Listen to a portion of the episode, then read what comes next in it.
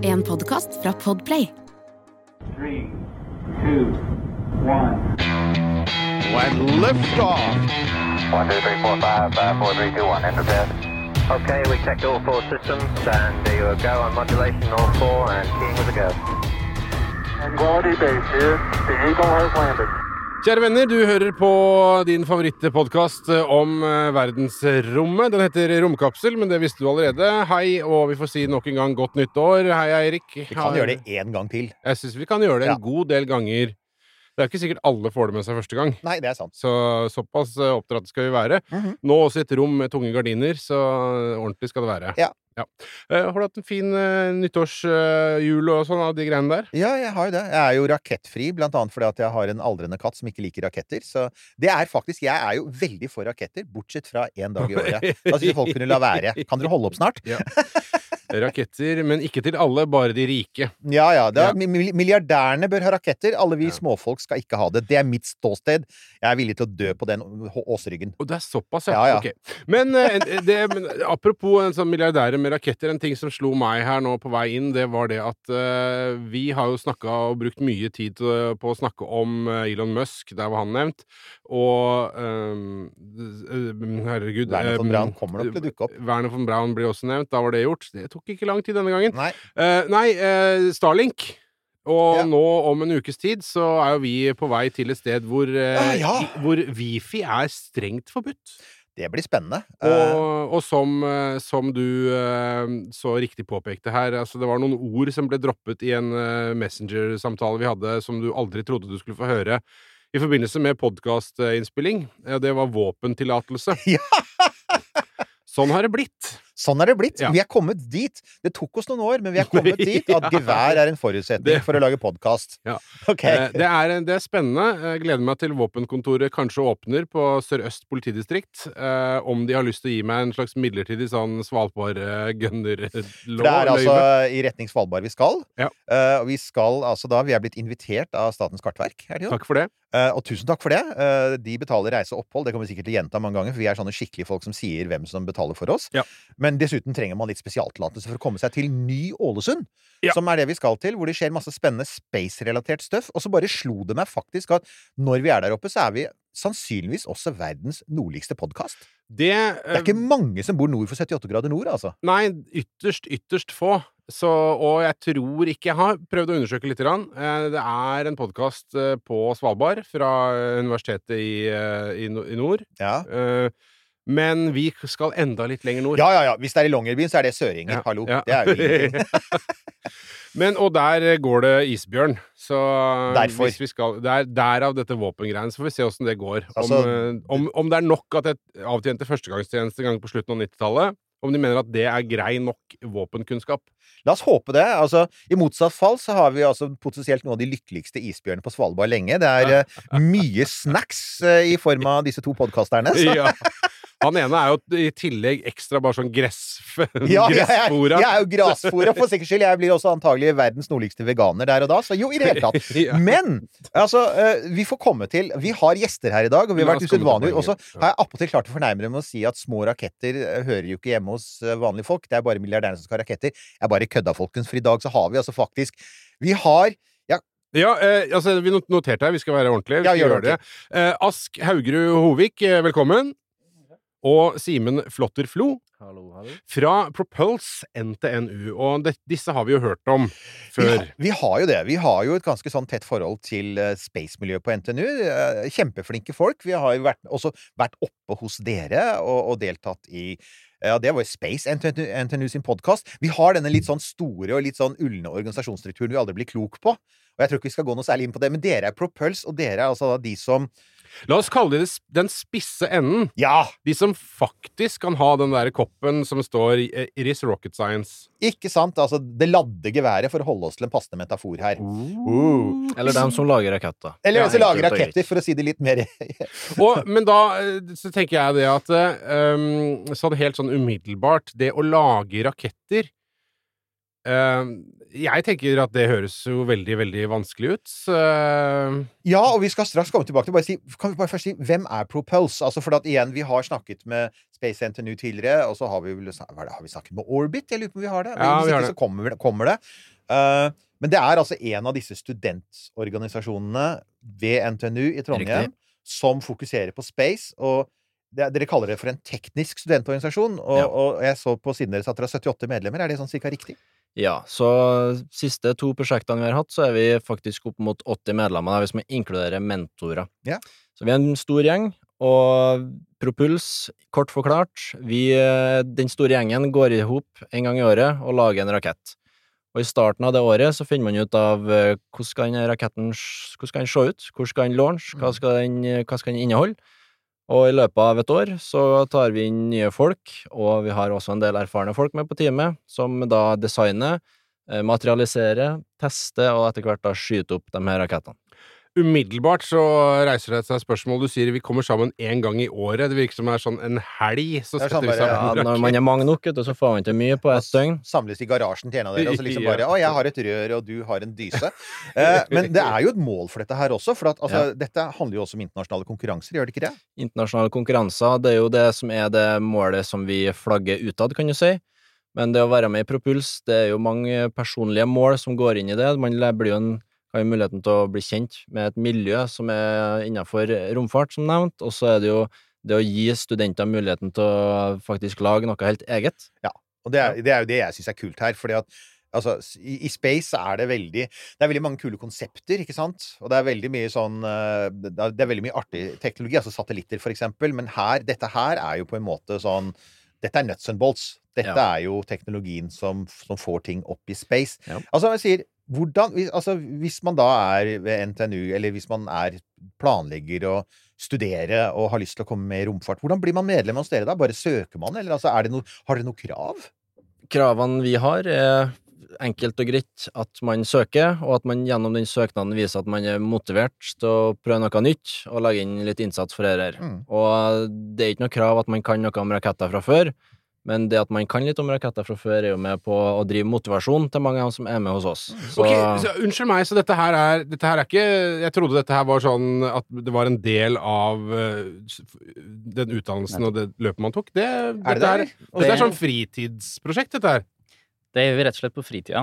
Um, vanligvis så tenker folk at det, vi er en del av studiet, men uh, dette er en teknisk studentorganisasjon som er på siden av studiet.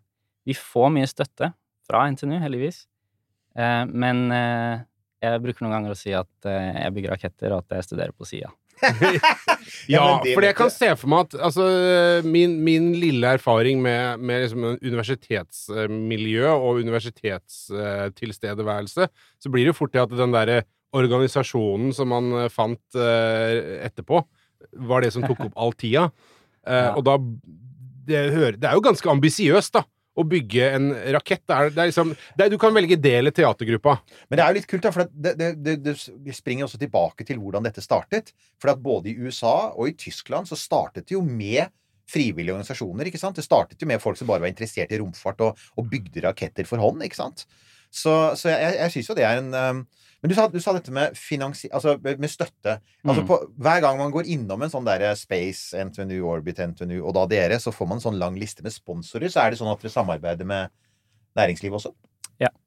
Eh, vi får en, en ganske mye fra NTNU i, i pengestøtte, og det vi veldig, setter vi veldig pris på. Og vi eh, setter oss veldig pris på den eh, hjelpen vi får fra professorer. Men eh, vi er stort sett eh, uavhengige av NTNU og kommer Mm. for oss selv. Når det gjelder sponsorer, så er det noe vi må gå ut og finne selv. Ja. Og heldigvis så er det ganske mange i Norge, altså bedrifter, som er interessert i å hjelpe til med det her. Og de gir eh, både pengestøtte eh, og støtte med eh, produksjon av ting, da. Fordi, som dere sikkert skjønner, så er det mye ting som må lages for å bygge den raketten.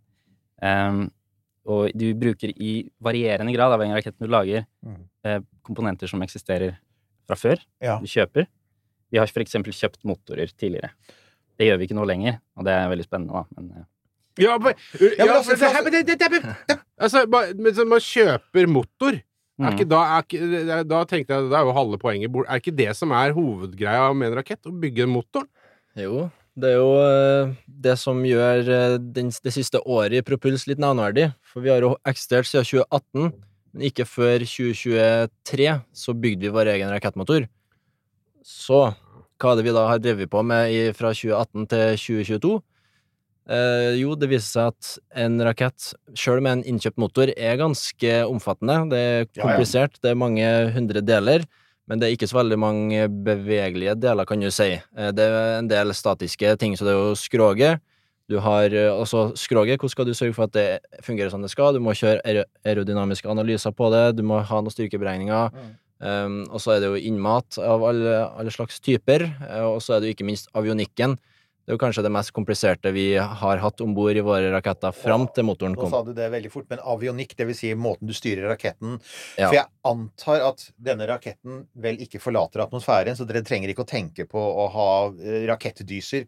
Bruker dere styrefinner, da, for Så eksempel? for kontekst så har eh, rakettene som vi har launcha til nå, deltatt på internasjonale studentkonkurranser. Ja. Og da har det vært ulike kategorier som du er med på. Og da er høyde en av hovedtingene du deles inn, deles inn i. Og da er det tre kilometer eller ni kilometer. Mhm. Så når vi har launcha, så har vi ikke prøvd å komme så høyt som mulig. Vi har prøvd å treffe ni kilometer så presist som mulig, da. Ah, Eller i USA, da vi har vært der, så er det 30 000 fot, da. Ca. Ja. 9100.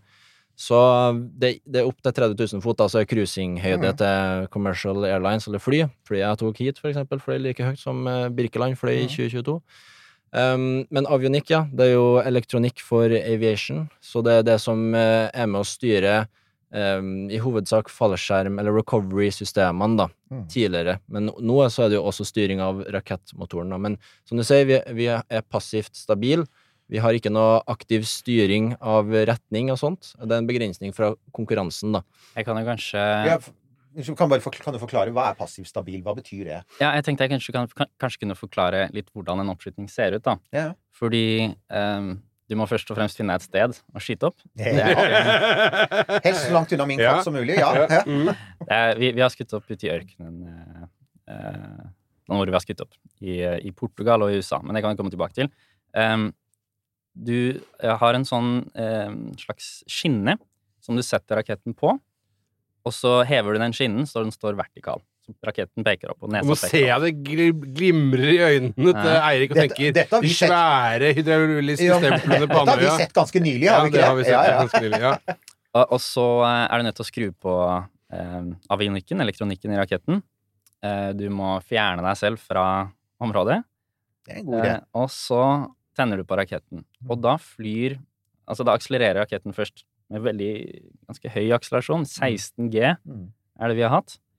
Um, og da forlater den um, den derre skinnen, da, Ja. eh, i løpet av ganske kort tid. Det er snakk om Ja. brøkdel av et sekund, egentlig. Altså 0 til 100 på 0,2 sekunder, Ja. eller noe i den duren. Og så 0 til 2200 på 6 sekunder.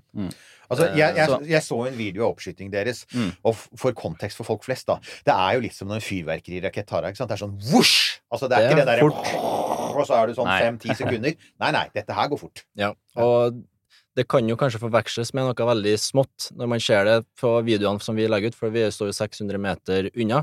Det er altså en tre meter høy eh, eh, konstruksjon som fer fra 0 til 2200 på 6 sekunder. Det, det, er- Altså det er 30-40 kilo som akselereres ganske brutalt, da. Um, så det, det er litt av et syn. hvor, hvor mange G blir det inni der? Har dere regna på det? Ja da. 16 G omtrent. Ah, ja, så med andre ord ikke veldig Altså, ikke, ikke send opp noen hamstere med det første, please. Vi Nei, eh, har ikke gjort det ennå. Levende ting sliter. De sliter litt. Ja. Så vi har ikke lyst til å sende opp det. Men når det er sagt, det, er, det finnes forskningsraketter som skyter opp mye, mye høyere Mm. belastning enn det. Men en, en rakett som skal til verdensrommet, er jo sjelden over 3G eller Ja. noe sånt. Jeg husker ikke hva de nevnte for oss på Andøya, men det er, det er høye tall der òg, altså. Over 100. Ja, Ikke sant? på de, eh, På de, eh, på de forskningsrakettene Ja, der, ja. Det For der er det også også sånn. Ja. crazy akselerasjon Mm. og veldig høy G, Ja. og så Ja. Men, men altså, eh, nå, vi må snakke litt om bygging av rakett. For altså, en ting som jeg syns er fascinerende Jeg skjønner at det er mange biter her som man trenger å få laga. Man må sikkert eh, altså skjære ut ting i aluminium og CNC-fres og alt nå, alle sånne ting. Yep. 3D-printing og så videre. Mhm. Men så var det sånn, ja, vi har også kjøpt deler. er Og jeg vet det at når man skal lage Starship, så kan man ikke dra på, dra på Klas eller på Biltema og kjøpe skruer. Men, men er det, dere kan det? Vi er oftere innom Claes Olsson enn vi kanskje ønsker. Er en måte å si det på, for vi har jo et ganske stramt budsjett, og det vi lager er jo ikke trivielt. Men uh, mye trivielle produkter går inn i rak sjøl rakettene våre, da. Ja. Så det utfyller kanskje ikke standardene som man trenger for å frakte mennesker fra A til B, men det utfører oppgaven vi trenger det til, da. Men tenker tenker altså, hvis vi skal bare si, altså, si bygge en rakett, kan vi kan vi først liksom definere uh, hvordan den raketten ser ut. Altså, det, vi kan ta utgangspunkt i det siste prosjektet deres, som, Ja. dere bygde, som heter Bifrost, var det ikke det? Det stemmer. Så altså, hvor, hvor, for det første, hvor stor, hvor lang er Bifrost? Så Bifrost, den var fem meter høy.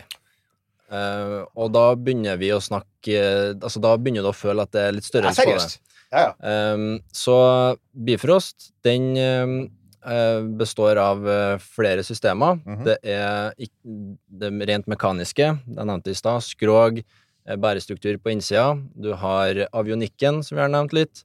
Og så ikke minst var det motoren. Mm.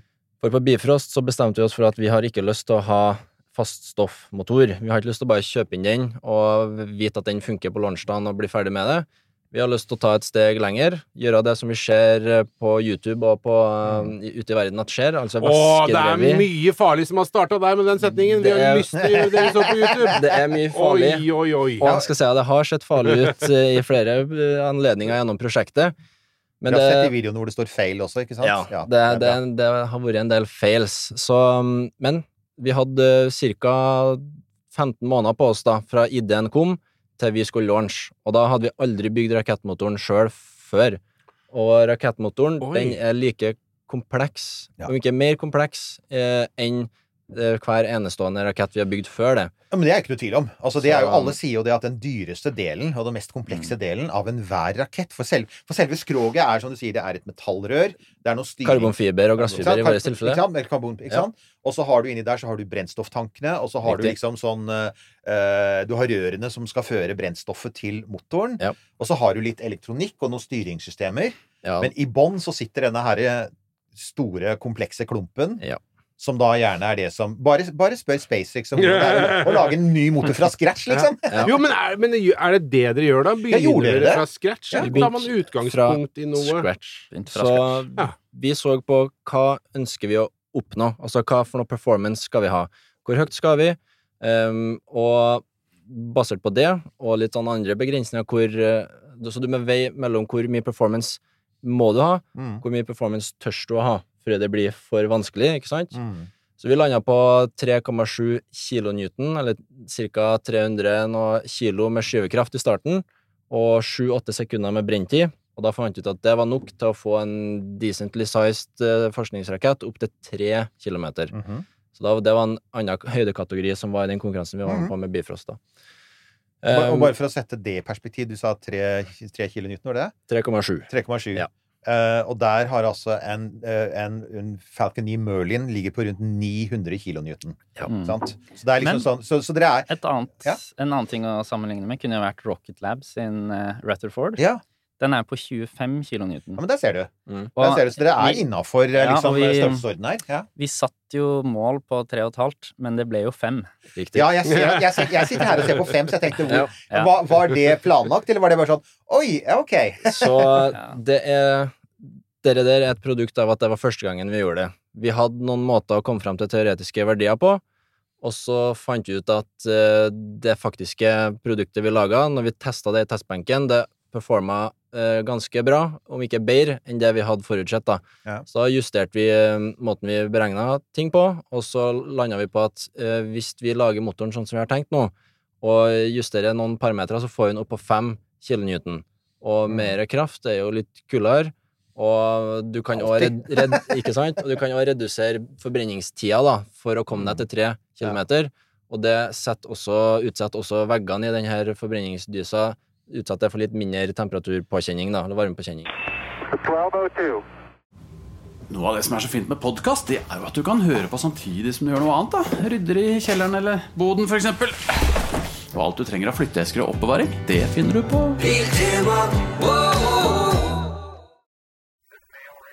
Ja, for det- Vi kan godt ta, si litt om det, siden dere faktisk bygde en motor, og det er den mest komplekse delen.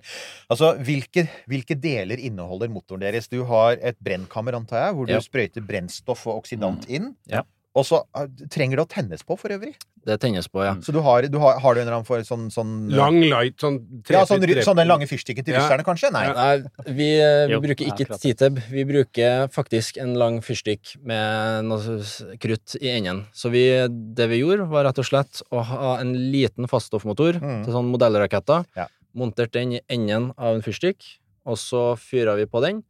Og når eh, flytende lystgassen og etanolet som vi da brukte, møtte den, så tok det fyr ganske momentant. Og da tok det ikke lang tid før vi var på to kilometer per sekund eksoshastighet, 2000 og noe grader celsius forbrenningstemperatur, og ikke minst da tre, nei, 500 kilo med skyvkraft, da.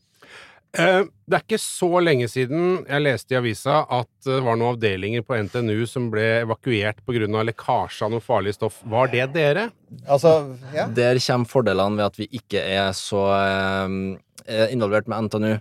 For vi kan søle litt ting her og der, men da påvirker ikke det noen annen enn oss sjøl. For vi har testsite på et grustak 20 km sør for Trondheim. Okay. For dere har, lært Så- av, dere har lært av Caltech og JPL, som vi har fortalt om før, med vår satanistiske romekspert som begynte å sprenge ting i på Caltech, og de sa nei, du skal opp der hvor, omtrent der hvor JPL ligger nå. Ja, Ja, men så- det, det, var, det er veldig smart, så det, der har NTNU og dere lært. Det var lurt. Ja, så vi, vi var litt proaktive. da. Vi spurte ikke NTNU om eh, det gikk an å gjøre noe på campus, for vi antok at svaret var nei, så vi bare tok eh, saken i våre egne hender. Mm, ja, for da fint, ja. slipper man også unna en del sånne statlige HMS-krav og litt sånne ting. Så da kan man Ja, holde det er ingen på. som tvinger deg til å gjøre men du innser fort fordelene med å ha HMS-prosedyrene på plass, da, for det er jo mye energi inni den containeren når vi har lada, lasta opp eh, full drivstoff i raketten vår. Det er jo det, og du, du nevnte jo, du nevnte, nevnte jo også drivstoffet, som er etanol. Ja. Og det er en klassiker. Det er V2. Det var jo også det som eh, Det er jo det som eh, Werner von Braun også eh, gikk inn for. De brukte vel flytende oksygen i V2. Dere går da inn for det som ellers vel heter dinitrogenoksid. Det måtte jeg Riktig. google. For at lystgass er det det vanligvis er kjent som, men det er oksiddelen som er viktig der. ikke sant? Det er oksygenatomene i ni- som som fordi, og det vet jo alle dere som hører på, vi kan bare gjenta det, en rakett trenger tilførsel av oksygen. Den puster ikke luft som en jetmotor. Så, så det er um, Og da tenker jeg, altså Da har du eh, Du har altså Unnskyld meg! Ja. Er det det som er forskjellen på en jetmotor og en rakettmotor? Ja, ja, ja. Det er jo det. Og det er at rakettmotorer alltid har med seg oksygenet sitt Ja. eller andre Enten i, de, i form av fast pulver, eller i form av en egen tank med oksidant. Mm. Ikke sant? Eller altså sånn som Nammo gjør, med at du kan ha en flytende komponent og en fast komponent. Men dere er jo da dere, dere liksom gikk all in og sa nei, vi skal ha to flytende komponenter. Det er verdt å nevne at vi hadde et R&D-prosjekt eh, på sida av dere faststoffprosjektene våre, som hadde som mål om å utvikle en hybridmotor. Mhm. Den kom aldri til et stadie hvor den faktisk testa med flammer og sånt. Den var egentlig bare litt på papiret og noen hardware-komponenter som vi hadde skaffa. Men det tok litt lengre tid enn vi hadde håpa, og det var ikke like motiverende som væsketeknologien, sånn som man jo ser hos SpaceX og sånt. Så da gikk vi rett på væske, da. Og så er det jo verdt å nevne at vi var jo ganske inspirert av en annen studentorganisasjon i Norge, nærmere bestemt her på UiO i Oslo, Portal Space. Mm. De drev jo med Det første de gjorde når de begynte med raketter, var jo væskedrevet raketteknologi. Så når mm. de hadde startet på det, så innså vi at kanskje på tide at vi også skal begynne. En annen viktig inspirasjon for oss må jo også sies er Dan Danstar, som Ja. var et dansk eh, Ja, for at, altså, det jeg ser i omtalen av Bifrost, så er det den første flygende norske væskeraketten. Det er viktig å presisere. Det betyr det at det var studentene her på Portal Space i Riktig. Oslo som bygde den første som brant, men de fløy den ikke. Er det det vi sier her? Det? Det stemmer. Ok, ja. Veldig imponert eh, for, så, for øvrig over det de gjorde i Oslo. Eh, Så, så, så, sånn litt sånn teknisk spørsmål også er det altså i forhold til den der motoren. da Altså Du har da brennkammeret, du har liksom dysa, ikke sant? Mm. Gassen, den varme gassen går ut. Um, hvordan får du brennstoffet inn? Er, bruker dere turbopumper, eller bruker dere trykk i tankene? Så det systemet vi bruker, heter for et pressure-fed Ja, feed-system. Ja, trykkmating. Ja. trykkmating. Og turbopumpa det er jo en ganske fin måte å frakte ting inn til et brennkammer på. Men på det størrelsesskalaen som vi er på, Ja. så blir det fort veldig tungt, veldig komplisert. Så da var det lettest for oss Og altså, jeg tror ikke det hadde vært mulig for oss å lage turbopumpe på et år Ja, er, det i det uansett. er det i det hele tatt lagd motorer som er så små med turbopumper? Um, jeg bare nevner det, for at det er, liksom, det er vel de to hovedmetodene, er det ikke det? Du bruker trykk i tanken, eller Ja. du bruker Ja. turbopumper. Og alle de store rakettene gjør det, for du skal ha høyt trykk, og du skal frakte masse brennstoff Ja. inn på kort tid. Eneste, Men, men småraketter, de bruker stort sett det dere gjør. det eneste jeg vet, er at Rutherford, som ikke er så langt unna det vi lager, har en Han har i hvert fall en pumpe. Det er ikke en turbopumpe, men en pumper med en elektrisk motor. Ja, det var det, er elektrisk, det stemmer, det. De Så sånn, Ja. da kan du gå enda mindre, da. ja, det, Men det, eh, ja. så problemet med trykksatt er jo nettopp det at du eh, må trykksette hele brennstofftanken din. Mm, Så hvis du skal lage en stor rakett, så blir den tanken enormt tung. ikke sant? Eh, men for vårt bruk, de, disse tankene eh, i vårt tilfelle er mer sånn 20-30% av eh, hele rakettstørrelsen. Eh, I en orbital rakett så er det jo 95 eller et eller annet. Ja, hvor mye drivstoff er det i en, en Ja, rakett som dere skyter? Altså i Bifrost, for eksempel. Hvor Ja. mye drivstoff har den totalt? Vi har cirka Bifrost hadde ca. 14 kg med drivstoff om bord. Og det er egentlig en løgn, for da vi fløy, så hadde vi litt mindre drivstoff om bord enn det vi hadde håpa på. Som òg er en historie for seg sjøl. Ok, fortell den. Hva, hva var det som skjedde? Altså, At dere har mindre drivstoff, da minner meg om drivstoff og etanol. Er det noe sånt nå? Er det sånn Så Ja, det var en sen kveld, og det var kveld. Og vi og var oppe i eh, Trøndelagen, og det var noen hadde kaffe og en plastdunk. så det- det gjort. mojito is to blame, ja. Mm. Det hadde sikkert vært en mye artigere historie hvis det hadde vært tilfellet, men den er så enkel som at når vi var på launchpaden Altså, da har vi holdt på i 15 måneder, det, har vært ganske, det er ganske mye som har skjedd fram til det punktet her, og du har, vi har det veldig travelt. Det er mange andre teams på den konkurransen her som skal launch før oss, etter oss. Vi har jo et dedikert launchvindu, de stenger luftrommet. Det, altså, det er mye som skal ligge til rette for at en Liquid-rakett kan launches. Um, vi hadde det veldig travelt. Og vi visste ikke eksakt hvor mye lystgass vi hadde i tanken vår. Vi visste eksakt hvor mye etanol vi hadde, for det fylles på en annen måte. Men lystgassen den fylles mens raketten står på paden. Um, det gjør for så vidt etanolet òg, men det er en litt annen prosedyre. Uh, så det endte rett og slett opp med at vi hadde for lite lystgass. Uh, kildene til det er stress, og at vi har litt dårlige metoder for å uh, måle væskenivået i Det, tanken. det har litt å gjøre med at lystgass får du under trykk, mens eh, etanol har du bare i en Ja. tank. Det er ikke sant, for at, Så det er veldig lett å male ut riktig mengde ikke sant, etan- etanol Men hvis du skal i dytte? Ja. lystgassen inn i raketten med trykkdifferanse, så er det mye vanskeligere å vite hvor mye du har fått. Ja. Mm. Så ca. halv tank med eh, lystgass, full tank med etanol. Det resulterte i en brenntid på to og noe sekund. Og da kom vi oss til ca. 1000 meter, da. En tredjedel av målhøyda. Okay. Men vi, altså, vi launcha. ja, Ja, ja, Altså, ja. Så, Jo, men, men der er du inne på noe. For at det, altså, det jeg skjønner her nå, er at det, dette her tar jo fryktelig mye tid og innsats fra dere. Eh, Det kan hende at Lånekassa vil ha noe å melde om liksom, fordelingen mellom rakettbygging og ellers studier. Jeg vet ikke. Men Heldigvis, da, så er det jo sånn at det å bygge en rakett eh, når du går et ingeniørstudium, ja, ja, ja. det hjelper ganske mye på selve ingeniørstudiet. Og jeg Altså, tror de fleste som eh, får vite at vi har vært med i, i Propulse eh, på arbeidsmarkedet, stort sett er glad for det At det er greit, ja. Men, men, men altså, det, det altså stakesene her, hvis noe går gærent, da Sett at eh, denne motoren, når dere tester den ute i den der containeren på grustaket, at skiten bare sprenger. Altså eh, Det er jo Det er high stakes.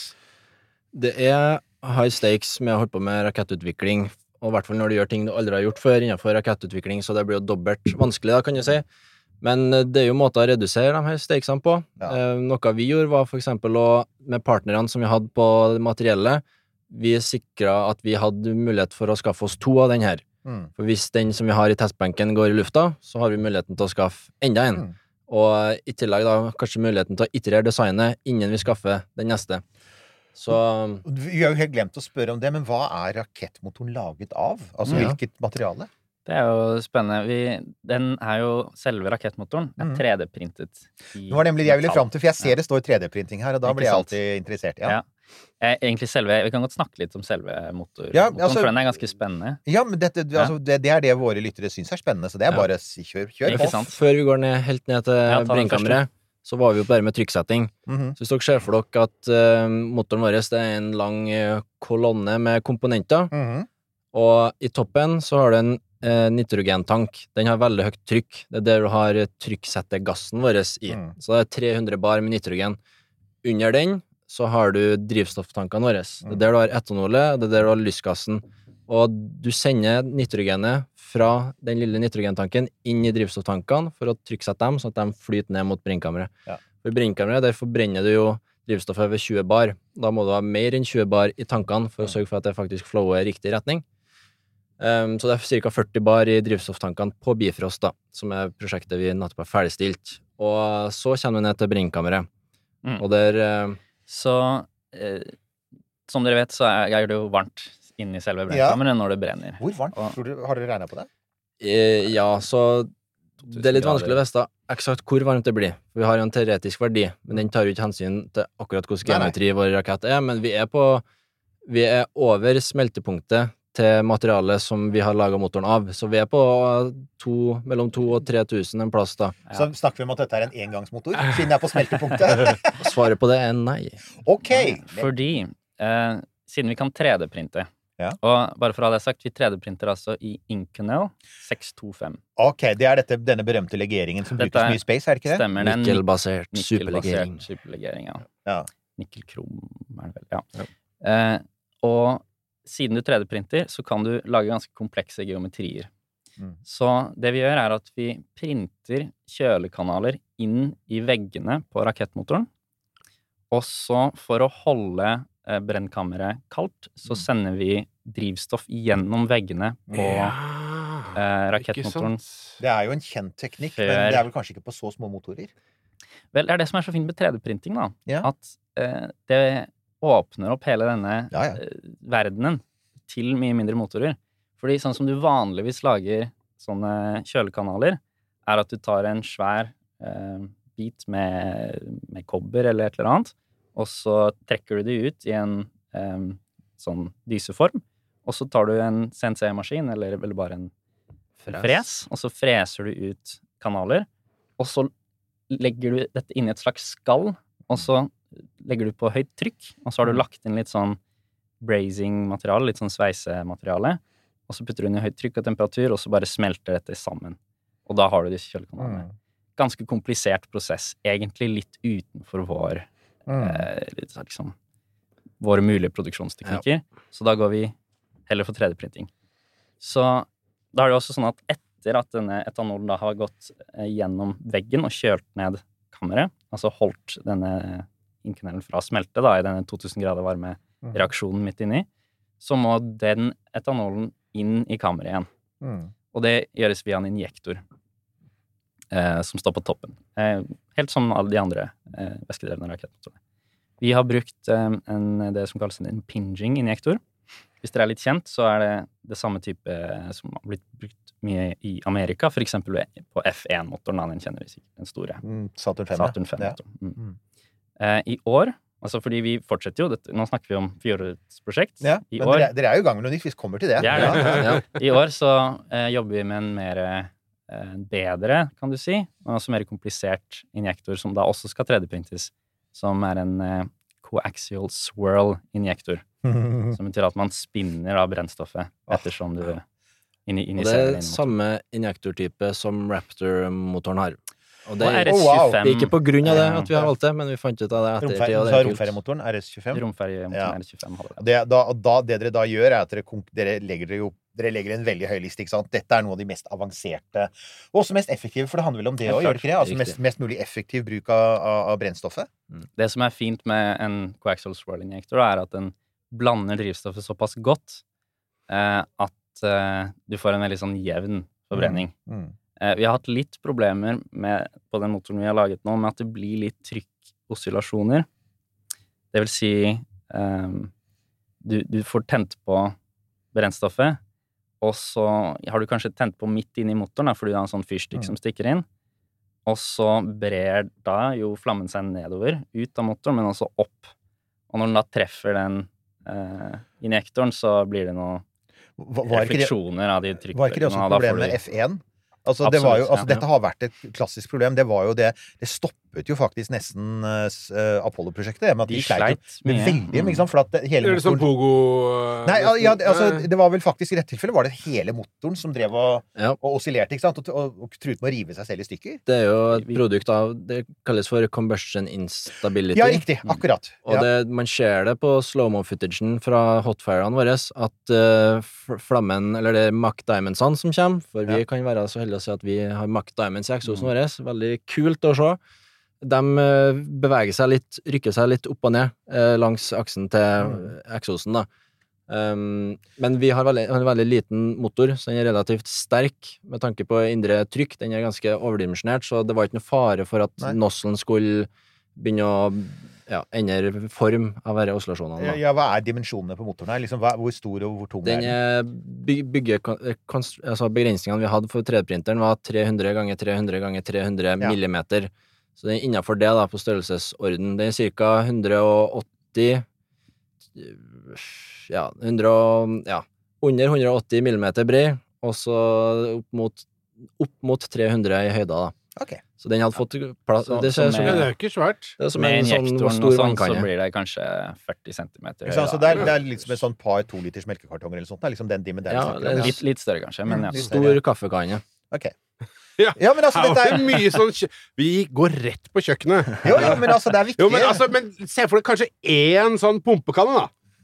Ja, ja. Ja, ja, ja, en, ja, stor Pumpekanne. Der har du det. Sånn Ja, ja, ja. dugnads... Litt, sånn ja, litt, litt høyere trykk. Pumpekanne hvor du har eh, to kilo i sekundet med flow rate og 500 kilo med skyvkraft. Ja, Ja, ja, ja, ja, men altså, det var dere som starta Ja, ja, ja. kjøkkengreia. Men altså, så det er den motoren dere brukte i, i år, ikke sant? Og så, og dere Altså, hvordan, hvordan gikk det By the way, hvordan kom dere til Portugal? Er ikke det også en historie? For dere har altså en fem meter lang rakett. Jeg antar at den ikke går i som sånn eh, det, er ikke, det er ikke spesialbagasje på flyet. Vi, vi har tatt med raketter, spesialbagasje på fly før.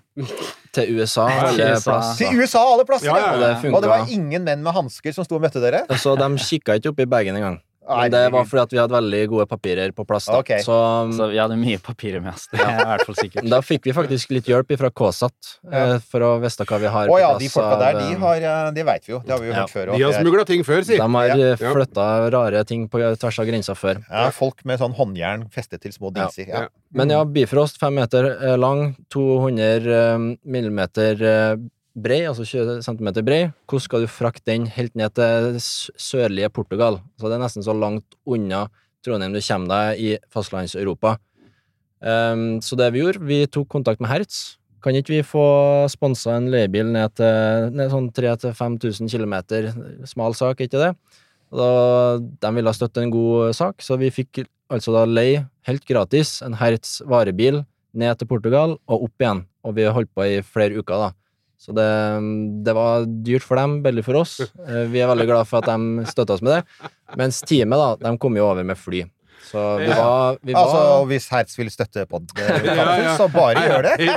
Det bare ja, Men, men altså For at det, den er den i deler? Riktig. Ja. Så vi har eh, Den, den består egentlig av tre deler, da. Eh, Så du har motordelen, den er, og den er majoritet av lengda. Den er ca. tre meter lang. Mm. Og så har du avionikk- og fallskjermdelen.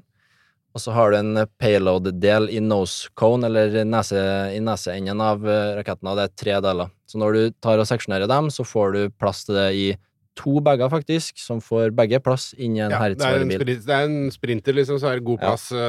Men det var litt flaks òg. Det var ikke sånn at vi bestemte at motoren skulle være tre meter lang for å passe inn i Hertz-bilen. Det var heller at vi var heldige at den passa inn i Hertz-bilen. Ja, ja, ja. Så det, vi, det går igjen, det skinner gjennom ganske mange ganger i løpet av et prosjekt som er at det er mange tilfeldigheter hvor man akkurat er på rett side av utfallet, som gjør at det faktisk går an å det er romfartshistorien i et nøtteskall. Ja. La meg, ja, og la meg også bare få lov, få lov til, eh, kjære Ørven, å minne om altså, at dette er et hoppet fra hva som er, lar seg gjøre, til hvordan det gjøres i liksom Ja. Hvor spesialisert og hvor komplisert og hvor eh, veldig nøye planlagt alt skal være i eh, det som er altså eh, rådende rakettindustri, la oss kalle det det, da, til hvordan det går an å gjøre det.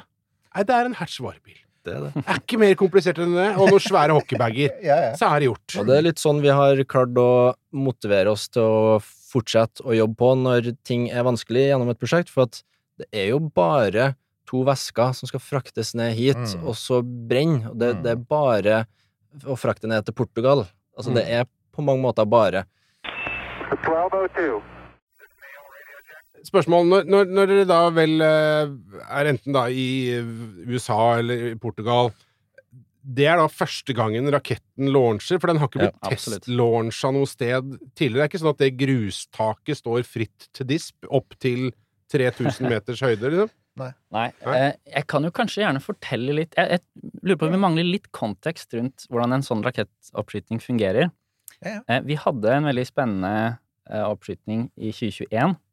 Eh, og på en måte, den, den illustrerer nok veldig godt alt dette som skjer rundt en rakettoppskyting. Da. Så jeg vil gjerne fortelle den hvis det, hvis det går. Mhm. Så i 2021 da hadde vi laget en eh, tre meter høy forskningsrakett eh, som gikk på fast stoff. Ikke, ikke den kompliserte væskemotoren enda. Eh, og vi drar ned til Portugal. Eh, vi hadde sendt den med fly i en boks denne gangen. Eh, og vi kommer fram. Boksen er ikke der. Vi må nesten Vi må liksom kontakte selv shippingselskapet og komme oss inn på shippingsentralen for å liksom bare plukke ut boksen fra hylla der den egentlig skal sendes videre fra. Vi eh, tar den fra hverandre, putter den inn i en bitte liten eh, leiebil, kjører til launch-siten i Portugal. Eh, denne raketten her, den har aldri egentlig vært helt sammensatt før. Rett og slett. Fordi det er mye som skal gjøres, og vi går studier på siden, og det du, som du tenkte skulle ta to timer, det tar en uke. Eh, så vi eh, jobber på i Vi kom ned en uke før. Jobber på eh, ganske fulle dager med å sette den sammen slik den skal være. Vi har på en måte satt sammen alle delene hver for seg, men alt sammen sammen har ikke blitt satt sammen ennå. Det er skummelt. Men sånn er det når du, når du har så tette tidslinjer som vi har, så må du noen ganger eh, ty til det. Så eh, for eksempel dagen før launch så skal det testes en servo. Det er en sånn bitte liten motor som beveger en, mm. en arm. Eh, og eh, den eh, brenner i stykker, eller den, den slutter å funke fordi noen setter inn kontakten feil vei, eller noe sånt. Jeg er ikke helt klar på hvorfor det skjedde, men det skjedde. Servoer gjør ofte det. Jeg har jobbet med dem, Ja. jeg òg. De er litt sånn uh, lunefulle. Jeg vet ikke helt hvorfor, men den eh, slutta, og Og det var en viktig servo. Ja, Det var en viktig servo. Man bør alltid ha en sånn liten pose med servoer, er min erfaring. Jeg har hatt det Ja, etter, i, siden da. Ja, så vi må jo få tak i en ny servo, for vi har brukt opp alle reserveservoene våre. Vi hadde reserveservoer, Mm. men de er borte, alle sammen. Eh, så vi får et annet lag da, som eh, er i Lisboa, tilfeldigvis, til å kjøpe akkurat den samme servoen, som tilfeldigvis er tilgjengelig på den lokale hardware På den lokale sånn der radiostyrt Ja. bil-sjappa. eller noe. Du Ja, kan, ja. du, du kan jo til og med få kjøpt billigere varianter på sånn Kjell og kompani og sånn. De, de fins jo litt overalt. Mye brukt i sånn radiokontrollsystemer. Og. Ja, så jeg var, jeg var mekanisk leder på det tidspunktet. Eh, og jeg hadde ganske mange, mye ansvar på lunsjdagen.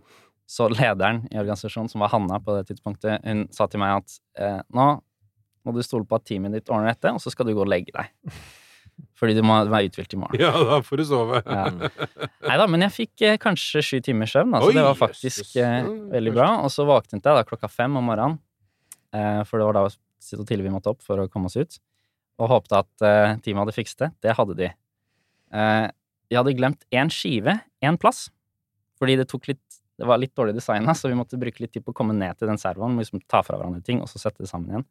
Og den ene skiven, den var viktig, fordi den eh, satt servoen i riktig posisjon, slik at den armen ikke kom borti noe på vei rundt. Å ja, okay. Så da er du ute på launchsite, du er inne i et telt, og det er én skive som mangler ett sted, og så må du fram med en fil, liksom, for Ja. å få bort noe sånt. Ja, for, dette, det, for det er jo en sånn ting som slår meg. Altså, når du har da fem meter, eh, og så er det 20 cm i diameter Hvis du skal gjøre noe midt inni der, det er, Det er trangt. krøkkete. Det er det, Det ikke er sant? Det veldig trangt, og mye var- designtid går på å få plass.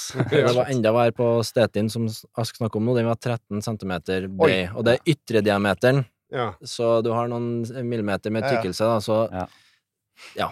Det, det er plasseffektivt, da. Men ja, På på, og på lunsjdagen, vi, vi kommer oss ut, vi fikser reservegreiene, null stress, vi får satt inn motoren. Um, Vi kommer oss ut på launch railen, som vi kaller det. Det, det blir litt sånn engelsk terminologi. Det er Det er ikke alltid det er det. en Få god oversettelse på Få noen akronymer Det er også, for så er vi akronymer, så er det helt riktig. Ja, ja, jeg har ikke alltid jeg vet hva det er på norsk. Eh, Men vi kommer nå i hvert fall ut. Eh, Vi setter den på, vi heiser opp raketten. Eh, Du skrur på raketten med en magnet, eh, sånn at det er borti skroget, og så eh, er det en sånn magnetsensor på baksiden. Det er sånn at du ikke skal få noe hull og sånn, Ja, ja. som kan være aerodynamisk. Ja, Det er som en pacemaker. Ja, det kan du si. Ja.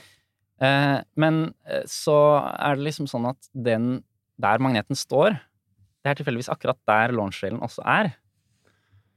Og det er sånn du, Selvfølgelig skulle du ha tenkt på det, men det er bare akkurat sånne typer detaljer som Ja. når, når du faktisk skal gjøre noe i virkeligheten, når du faktisk skal skyte opp dette her, da Mm. blir det plutselig helt ja. Space is hard. space. Altså, Ja.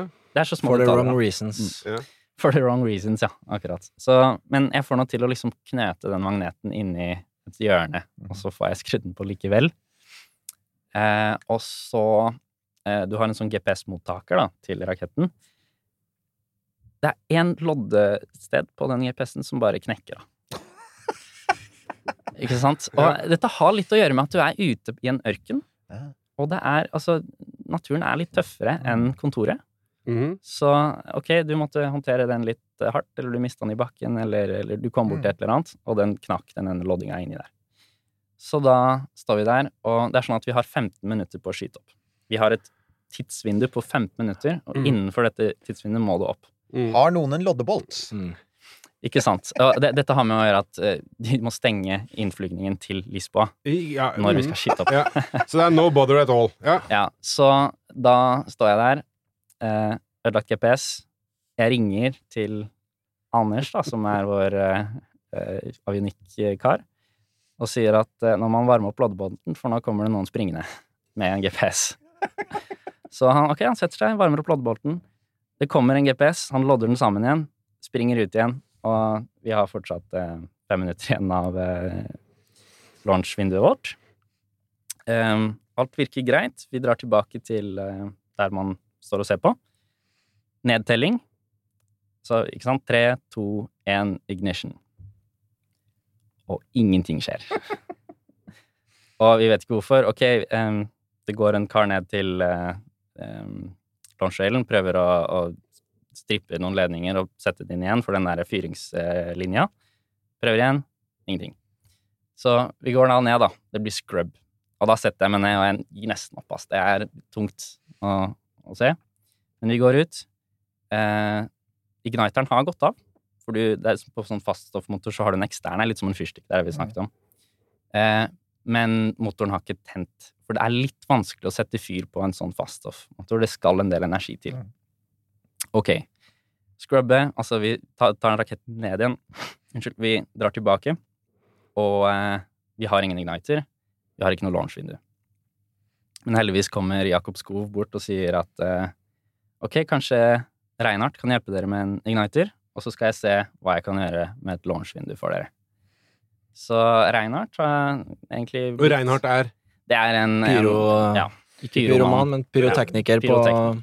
Ok, ja, ok. Ja, ja. Og Jakob er en av dem som er med og arrangerer. ja. Stemmer. Ja. Eh, Han er med i Copenhagen Suborbitals. For øvrig. Ja. Ah, ja, de folka der, ja. Ja. Som vi har snakket om å snakke med lenge. Mm. Ja. Mhm. ja, de må dere snakke med. Ja, det har jeg skjønt at de er kule. De er veldig kule. Eh, men uansett, eh, Reinhardt går da i pyroteltet.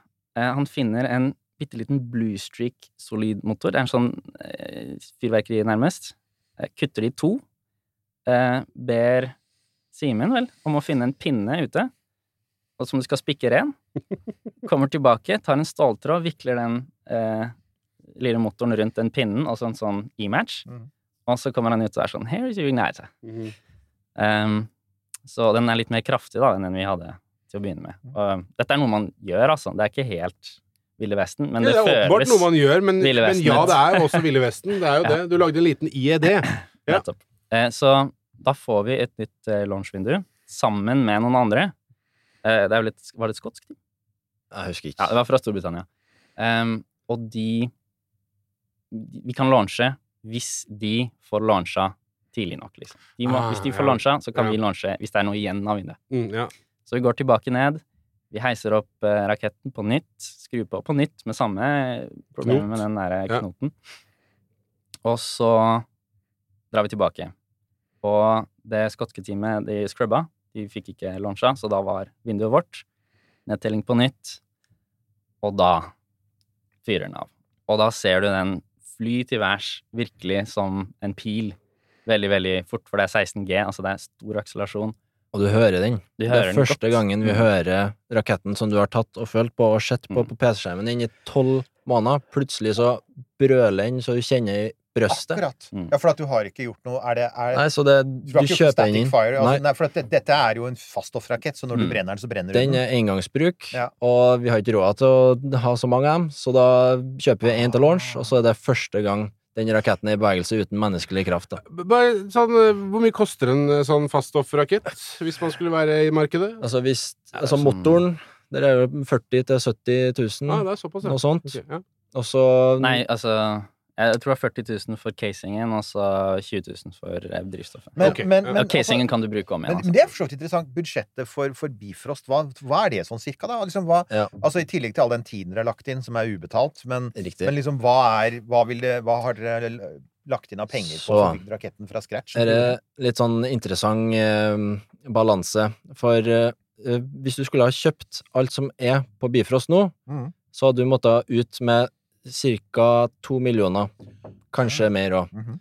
Men de pengene som vi hadde å rute med i prosjektet, det var 300 000-400 000. Mhm. Så all den resterende verdien der kommer av at folk, eller bedrifter rundt omkring i Norge, rundt omkring i Europa, har funnet ut at dette her er et interessant prosjekt. Mm. Vi har lyst til å se det fly. Mm. Dere har, virker å ha motivasjon nok til å få det til. Da gir vi dere um, deler av det vi eh, selger. Altså, eksempelvis den motoren, den metalltredeprinta det brennkammeret, det er jo verdt mange hundre tusen. Vi hadde hatt sjans til å ha råd til det der hvis vi skulle ha måttet betale. Så har du selskap, da. Fieldme i denne eh, sammenhengen fra Lillestrøm her, som bare sa ja, første møte vi hadde med dem, herre her høres kult ut, vi prøver. Og så er det jo kule med det når du jobber med 3D, er jo også det at Altså, du har, du har testet den, dere har sett at den fungerer, og så kan dere ta med Dere har fremdeles modellen, og dere Yes. kan da forbedre den. ikke sant? Inkrementell forbedring, og si OK, Mm. kan vi gjøre den kraftigere, kan vi gjøre den større, hva kan vi gjøre neste gang? Og det, men bare for å si sånn liten ting Vi glemte jo å si hvordan gikk det med dere i det som da heter European Rockety Challenge Eu- Euroc? Euroc. Euroc! Der hadde vi et lite akronym, I skjønner du. rock, you rock. Yeah, Everybody rock. Euroc. Der har vi det. Ja. Så hvordan gikk det med dere i Euroc? Det gikk, eh, kort fortalt, det gikk bra. Eh, Mm. litt lengre fortalt, så gikk ikke alt bra. En ting jeg nevnte var jo, eller nummer én, vi lancha. Mm -hmm. Vi launcha ikke så høyt som vi ønska. Det var på grunn av drivstoffet. Mhm. Vi fylte ikke nok. Eh, Det er en enkel ting å forbedre til neste år. Og så skjedde det litt ting med fallskjermene våre. Eh, Vi har to fallskjermer, en drogeshoot, eller pilotfallskjerm, som kommer ut på toppen, som skal sørge for at du detter kontrollert, men hurtig, så du Mm. ikke skal bli tatt av vind. Mhm. Den kom ut som tiltenkt. Da har avionikken trykksatt eh, systemet inni raketten som får ut den fallskjermen, og så ved 400 meter så skulle hovedfallskjermen komme ut. Den ble ejecta fra eh, raketten, men den åpna seg aldri. Så vi landa noen altså 130 km i timen, da.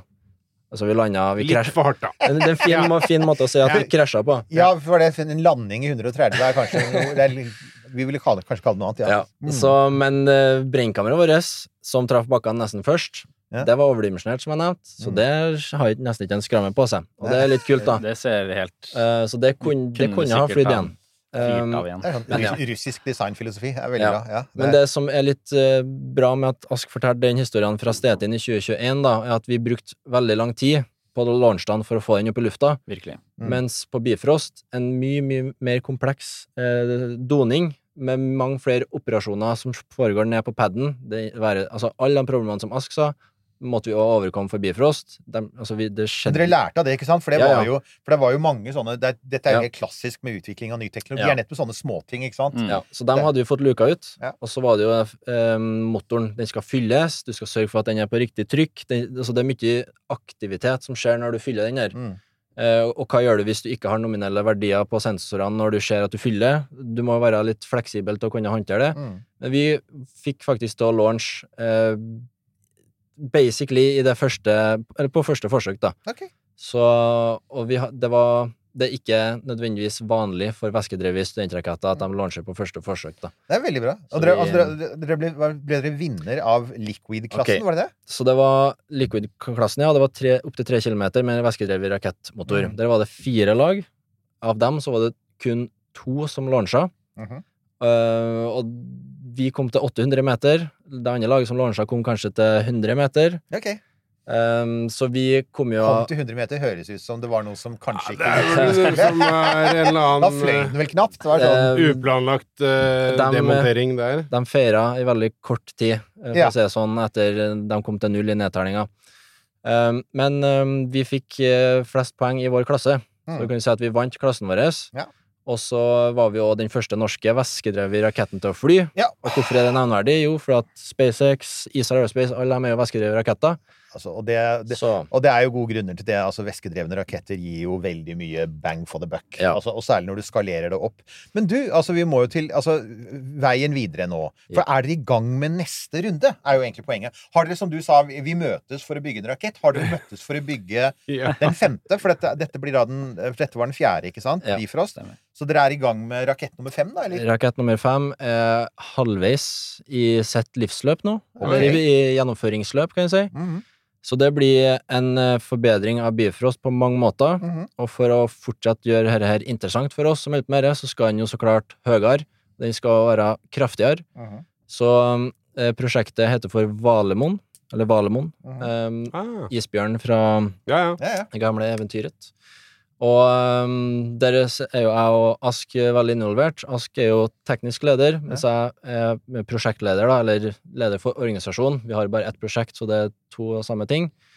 Og vi skal launch i juli i år. Mhm. Så et halvt år til vi skal launch igjen. igjen. -hmm. Og da skal vi til ti kilometer. Det er målet vi strekker oss etter. Uh. Så da skal vi opp igjen til den høyda som vi har vært med faststoffraketter før. Mm. Bare med den nye teknologien, da. Så vise at vi har kommet oss opp dit igjen, da. Men for, å, for å komme dere dit, altså skal dere bruke Skal dere videreutvikle den motoren som dere har brukt nå? Ja. Og da blir det fremdeles samme type brennstoff? Nesten.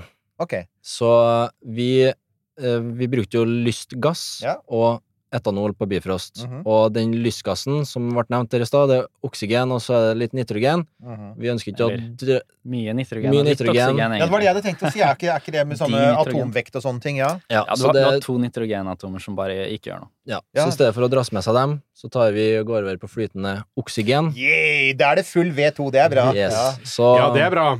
så Mm. da er vi Ja, Spørsmål. Altså, eh, i mitt hode så er så, Og her Jeg vet jeg tar feil, men eh, nå får du bare korrigere meg, fordi jeg vil høre korrigeringen. Altså, når man har lagd noe på liten skala, så tenker jeg da Ja, men da bare gjør vi det større. Mm. Så funker det på større skala. Men det her er åpenbart en, en grov forenkling.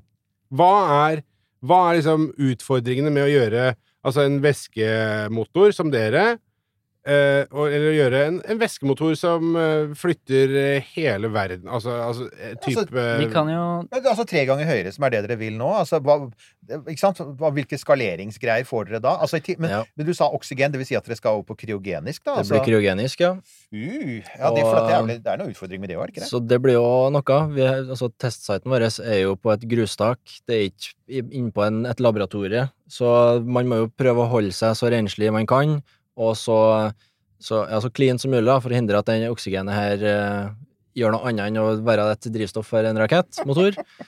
Um, men med tanke på skalering, så har jo det ganske store påvirkninger på motoren. Altså, du skal ha et ganske, unnskyld uttrykket, jævlig miljø inni et lite volum i Mm. lengre tid.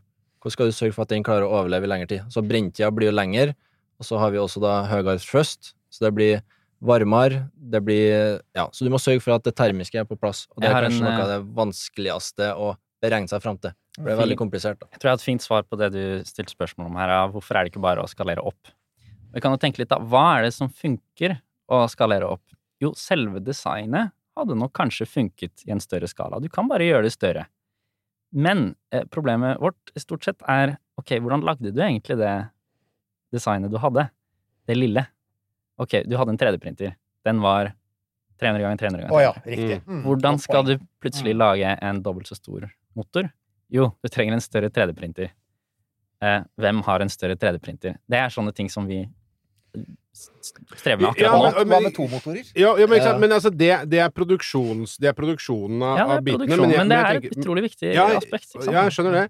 Men, men det er ikke noe i veien for at eh, La oss sette at det bare løser seg. Mm. At man bare tar det, man, det lille man har, og gjør det to ganger, tre ganger, ti ganger så stort. Faktisk så blir det i mange tilfeller enklere. Eh, For en stor rakettmotor er mye lettere å kjøle Mm. enn en liten rakettmotor. Så kanskje det passer fint å snakke litt om propan nå, fordi det var noe vi ble veldig interessert i. Um, propan eh, er et bedre drivstoff enn etanol.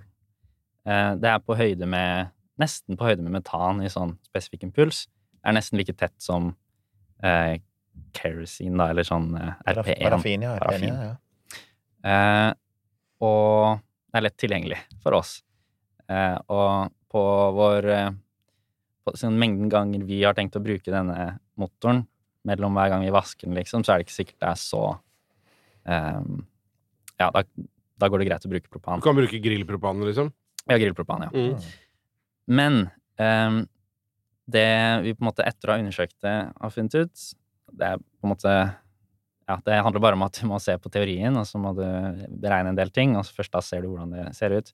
Eh, det er at ehm, når du har, bruker propan istedenfor etanol, så har du så mye energi og varme i det drivstoffet du har, at massestrømmen av propan gjennom motoren blir så liten at det ikke lenger er nok propan til å ta opp den varmen som brennkammeret utgir. Hvis du forstår at du, du pumper ganske lite propan gjennom veggen, og så Ja, fører det til en veldig varm reaksjon for kjølingen, ja, ja. Så kjølingen er problemet okay. eh, for propan, egentlig, på denne skalaen Ah, her. Riktig. Men Så- som du sier, på den skalaen der, det ville kunne fungere hvis du Ja, fordi hvis du Ja. øker størrelsen på motoren, da får du mye større volum, men overflatearealet øker ikke like mye.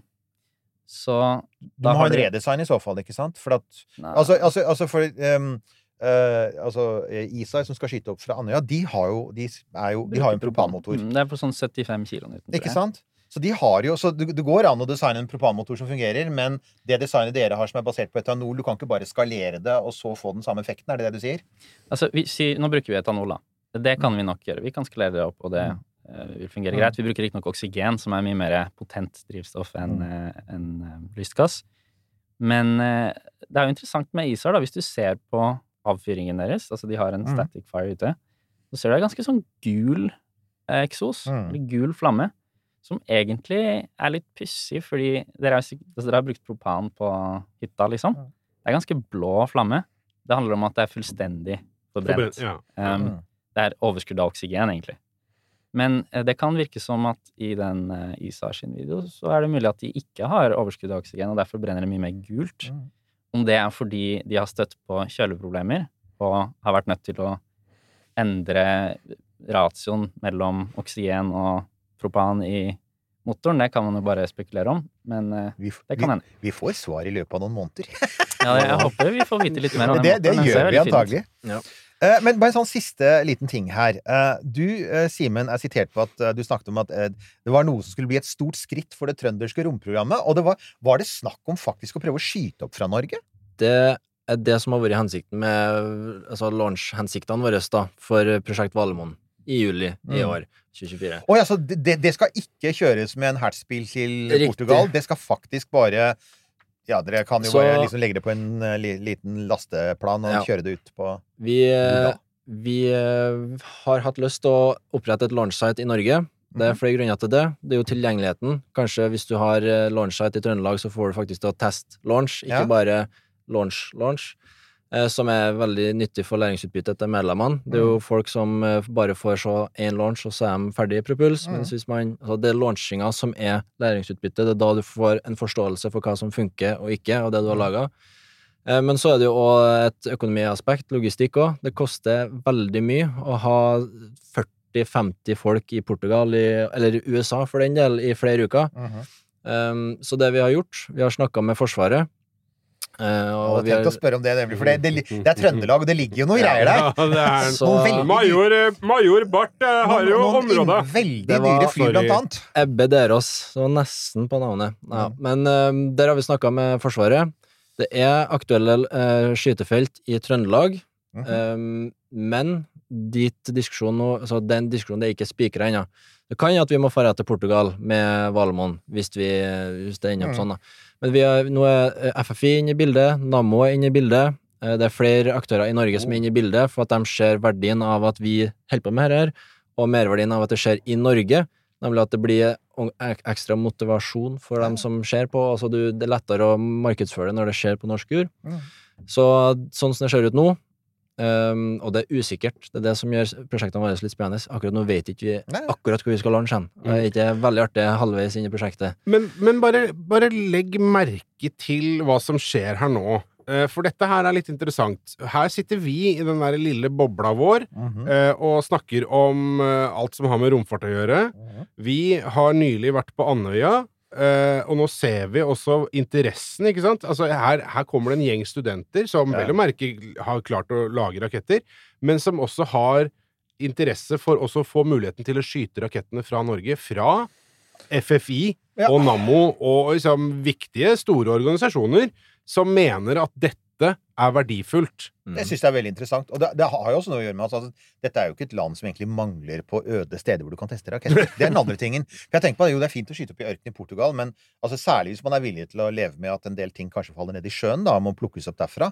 Det er Men det. uansett, det er masse plass til å teste raketter i Norge. Det er jo Og det er kanskje til og med noen kommuner der ute som i, vil tenke det samme som Andøya, som tross alt er veldig happy for at det bygges en oppskytingsplattform der. Mm. For den genererer jo interesse, penger, arbeidsplasser, ikke sant. Så dette her er jo det er jo veldig spennende.